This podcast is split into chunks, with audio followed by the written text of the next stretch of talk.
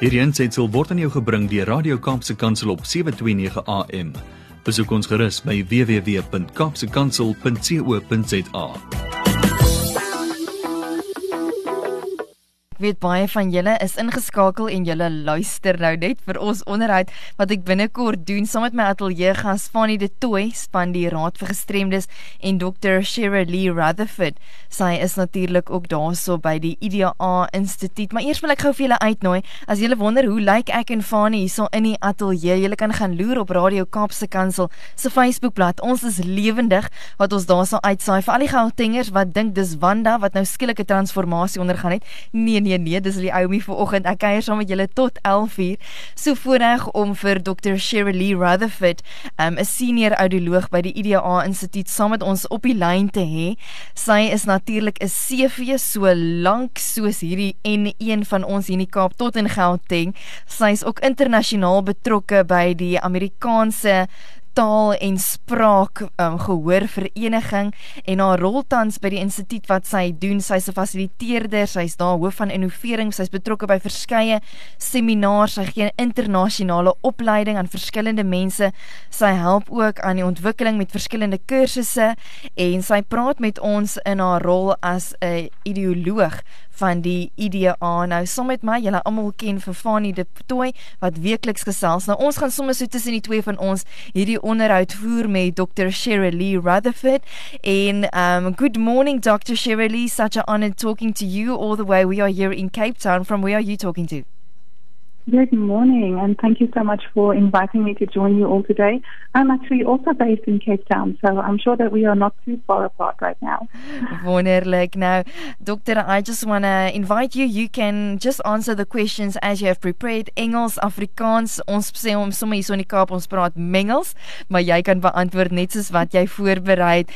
Hierso saam met my vir Fani en die van julle wat nie vir Fani ken nie, hy is absoluut uit vir bewusmaking. Hy is self ook 'n dowe, die van julle wat dalk nie dit ken nie, maar hy het 'n kokleaire implanting, so hierdie man funksioneer 100%. So ek dink baie gaste sal verbaas wees met die manier hoe Fanie kan praat en hoe die tegnologie werk. Dit is vir my, joh, ek ek staan in verbasing. Doctor, I just want to start off en ek wil sommer vra wanneer dit kom by gehoorverlies wat 'n baie baie be belangrike gesondheidsaak is, hoe impakteer dit ons? Verskillende mense word word geaffekteer oor dit en wat is die gevolge vir ons samelewing vir mense wat ly aan gehoorverlies, hierdie gesondheidsprobleem? Ja, my baie dankie vir um, so 'n belangrike vraag. Ehm um, miskien kan ek begin deur te sê dat die volgens die Wêreldgesondheidsorganisasie is daar ongeveer 466 miljoen mense met gehoorverlies wêreldwyd en 34 miljoen hiervan is kinders. En daar word bereken dat teen die jaar 2050 sal meer as 2.5 miljard persone met gehoorverlies sal wees. Mm. En uit hierdie 2.5 miljard sal ten minste 700 miljoen mense rehabilitasiedienste benodig. So mm. gehoorverlies affekteer regtig 'n groot aantal mense wat dit so belangrik maak dat ons ons bewustheid daarvan ehm um, verbreed en en meer leer oor die impak wat gehoorverlies dan ook op individue en ook eintlik op die samelewing het.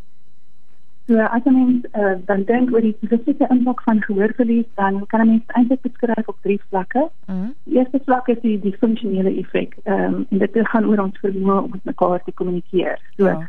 ons gesproke taal um, ontwikkeling word geaffekteer deur gehoorverlies en dit kan ook 'n ernstige negatiewe effek hê op 'n kind se akademiese ontwikkeling waar baie kinders met gehoorverlies dan ehm um, 'n graad moet herhaal en spesiale ondersteuning in die skool benodig. Mm. Dan die tweede vlak waar uh, gehoor 'n rol speel is op ons sosiale en ons emosionele welstand. En persone met gehoorverlies ervaar tipies gevoelens van alleenheid, van isolasie en frustrasie, veral onder ouer persone uh, met gehoorverlies. Maar dit is ook belangrik om te noem dat gehoorverlies natuurlik nie net ouer mense affekteer nie. Mm. En enige iemand van babas, tieners, jong mense, volwassenes en ouer persone kan um, dan daardeur geraak word. En dan die derde area van impak is die ekonomiese impak van groot hmm. verlies. En dit is nie eintlik iets waaraan mense noodwendig eers te dink nie, maar hier in volgens die Wêreldgesondheidsorganisasie ehm um, word daar beraam dat dat onbehandelde gehoorverlies mm. die wêreldekonomie 'n ongelooflike 1 triljoen internasionale dollars kos elke jaar. Sure. En hierdie koste sal verder styg oor die volgende paar dekades as dit nie aangespreek word nie. Mm. Ehm um, so as mense dan dink dat jy weet oor die omvattende impak op ons kommunikasie, ons geestesgesondheid en die ekonomie, dan begin mense besef hoe belangrik dit is om toegang tot opleiding en rehabilitasie te verbeter sodat mense kan werk, sodat hulle kan kommunikeer um, en kan bydra tot die ekonomie. Dit is so lekker om te luister na jou Shirley. Uh nou my dis so interessant as 'n mens as hy noem dat ons is nie net iets dat jy in die huis op bejaardes kry nie. Mm. Ek het my gehoor verloor, totaal verloor by ouderdom van 25 jaar. Sjoe. En uh so dit is 'n wonderlike punt wat Shirley daar maak. Verskoning. Shirley, what is the IDA Institute and tell us about the work that you do? Yes, funny, the IDA Institute is an independent and non-profit organization based in Denmark. And our mission is to build a community that embraces person-centered care and that empowers people to get the hearing care that they really need. Mm. So we develop free tools and resources for and with persons with hearing loss, uh, for hearing care professionals and also academic colleagues to ultimately help people receive the care that they need. We absolutely love to collaborate and co-create all the resources with our community. Uh, and then we make all the resources available freely on our website for anyone to access. Mm. Um, and right now there are about 18,000 members in the global IDA community, uh, and we are continuing to grow. Mm. Baie dankie. Dit is Dr. Shirley Rutherford. Shirley, ek wil voortgaan. Um hoe kan mense wat um persoon gesentreerde gehoor verlies. Jy weet watter rol speel dit in gehoorsorg? Ja, ehm um, so so persoon persoon gesentreerde sorg of of person centered care en en iemand wat ehm um, dalk meer bekende term is. Dit neem aan dat elke persoon 'n gelyke en 'n aktiewe vermoë is in die behandeling en in die bestuur van hulle gehoorverlies. Mm. So dit is gehoorsorg wat ontwerp is rondom die individu dit fokus op en dit respekteer elke persoon se unieke behoeftes en voorkeure.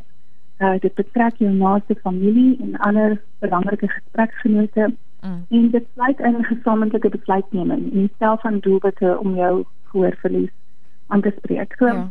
dit is eintlik 'n filosofie van bemagtiging van persone met gehoorverlies. Mm. Die goeie gehoorsorg is eintlik die eindresultaat van 'n produktiewe dialoog tussen die audioloog en dan die persoon met gehoorverlies. Mm. En wanneer jy jou storie deel met jou audioloog, dan help hy hom op haar om die dienste verskaf aan jou wat jy benodig. So, ons het onlangs byvoorbeeld 'n salto gelees met die naam ehm um, We're All Ears. En die salto help mense om te verstaan wat jy kan doen as persoon met gehoorverlies. Mm. Om seker te maak jy word raak gesien, dat jy werklik gehoor word deur die persoon wat jou professionele dienste verskaf ehm um, dit help jou moedig jou aan dat jy jou storie moet vertel en dat jy moet deelneem en, en duidelik wees oor hoe jou audioloog jou die beste kan help.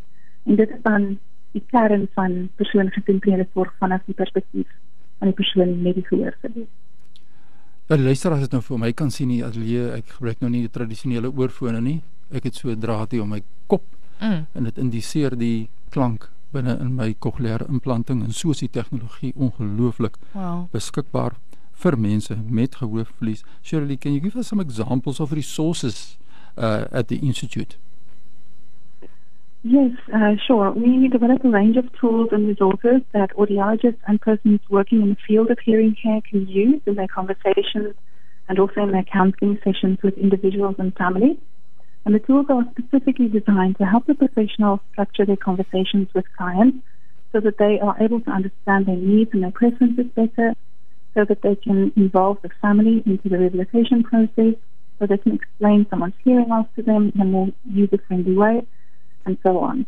Um, there are too many tools for us to cover in our conversation today, but um, some of the professional tools, for example, include resources to help explore the patient's motivation levels, um, how to involve the frequent communication partners. There are resources for help with tinnitus, which is the ringing noises in the ear, um, and then tools for teenagers, tweens, and younger children, and, and then several others. For people with hearing loss specifically, we have a set of online tools that can help you to prepare for your first and follow up hearing consultation.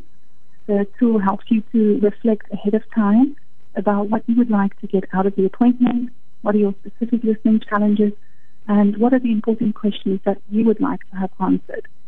And then there are also some amazing videos of people sharing their stories. There are practical communication strategies for the person with hearing loss and their family. Uh, and then also some really useful resources to provide support in the workplace.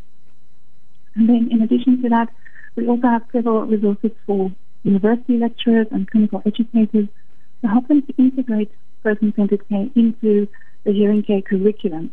Um, and we have also an online learning platform where qualified professionals can take e-learning courses to develop their person-centered skills. And again, all of these resources are available freely. Uh, they are accredited for professional development, and you can explore it online at idainstitute.com, or you can download the IDA app. All you need to do is search for IDA tools. As jy nou eers by ons ingeskakel het op Radio Kansel en Radio Kaapse Kansel, dis Leomi en Fanny de Tooi hierso van die Raad vir Gestremdes. Ons gesels met Dr. Shirley Rutherford. Sy is 'n senior audioloog by die IDA Instituut. Nou dokter, ons gaan voort. Ek wil graag weet wat is van die struikelblokke juis vir persoongesentreerde sorg en hoe oorkom hulle hierdie struikelblokke? Hmm, dit is nogal 'n interessante vraag. Ehm um, en een met verskeie moontlike redes. Mm. Mense mag dalk gewoond wees daaraan want dat wanneer jy byvoorbeeld na jou dokter toe gaan, dan onderwerp jy jouself aan hulle kennis en autoriteit en soms besef mense nie dat jy ook eintlik aktief kan deelneem aan jou eie gesondheidsorg nie. Mm.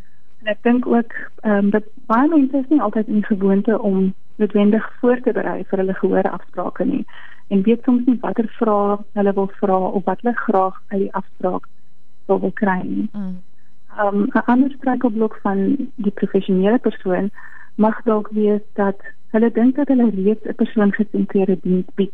So hulle sien dalk nie die gaping tussen dit wat hulle reeds doen mm. en wat die pasiënt graag wil hê nie. Mm. En so in die mediese veld is daar die die kopskuif wat nodig is van what's the matter with you? Mm. Now what matters to you. Ja.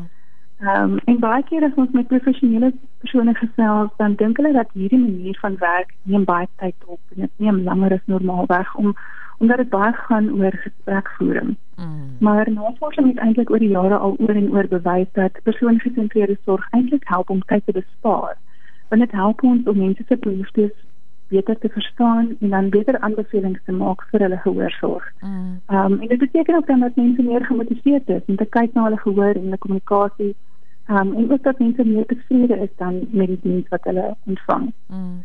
En dan ehm um, nog 'n struikelblok is die gebrek aan opleiding en die beginsels van persoongesentreerde sorg. En die strategie wat ons volg by AIDA om hierdie struikelblokke te oorkom is dan om opleiding te verskaf in die vorm van werkswinkels, praatjies vir hierdie uh, konferensie en vennootskappe met universiteite en ander organisasies. Ja, ons uh, ons moet graag professionele persone en persone met gehoorverlies in die familie aan om deel te word van hierdie wêreldwye gemeenskap. Mm. Dit alles online.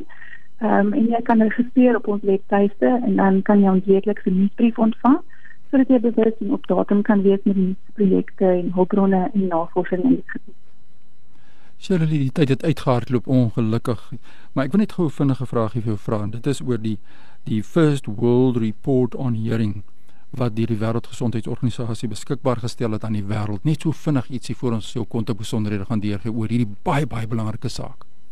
Yes, yes. Um I think this is really exciting because this report is the first of its kind. Um, and the report contains very important updated information about the number of people that are affected by hearing loss. And it is a call to action for governments to integrate ear and hearing care into their national health plans. Mm. So it summarizes the current status and the extent of hearing uh, and ear problems. It describes what causes hearing loss and what can be done to prevent it. And it outlines also cost effective clinical and public health solutions. So I think it's a wonderful first um, and definitely something to um, to have a look at. Baie baie dankie. Dit is Dr. Shillery Rutherford, sy is 'n senior audioloog by die IDA Instituut.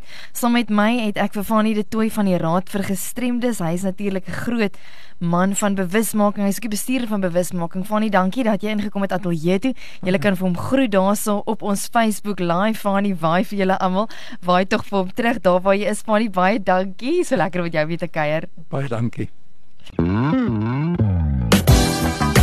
Hierdie ensetsel is aan jou gebring deur Radio Kaapse Kansel op 729 AM.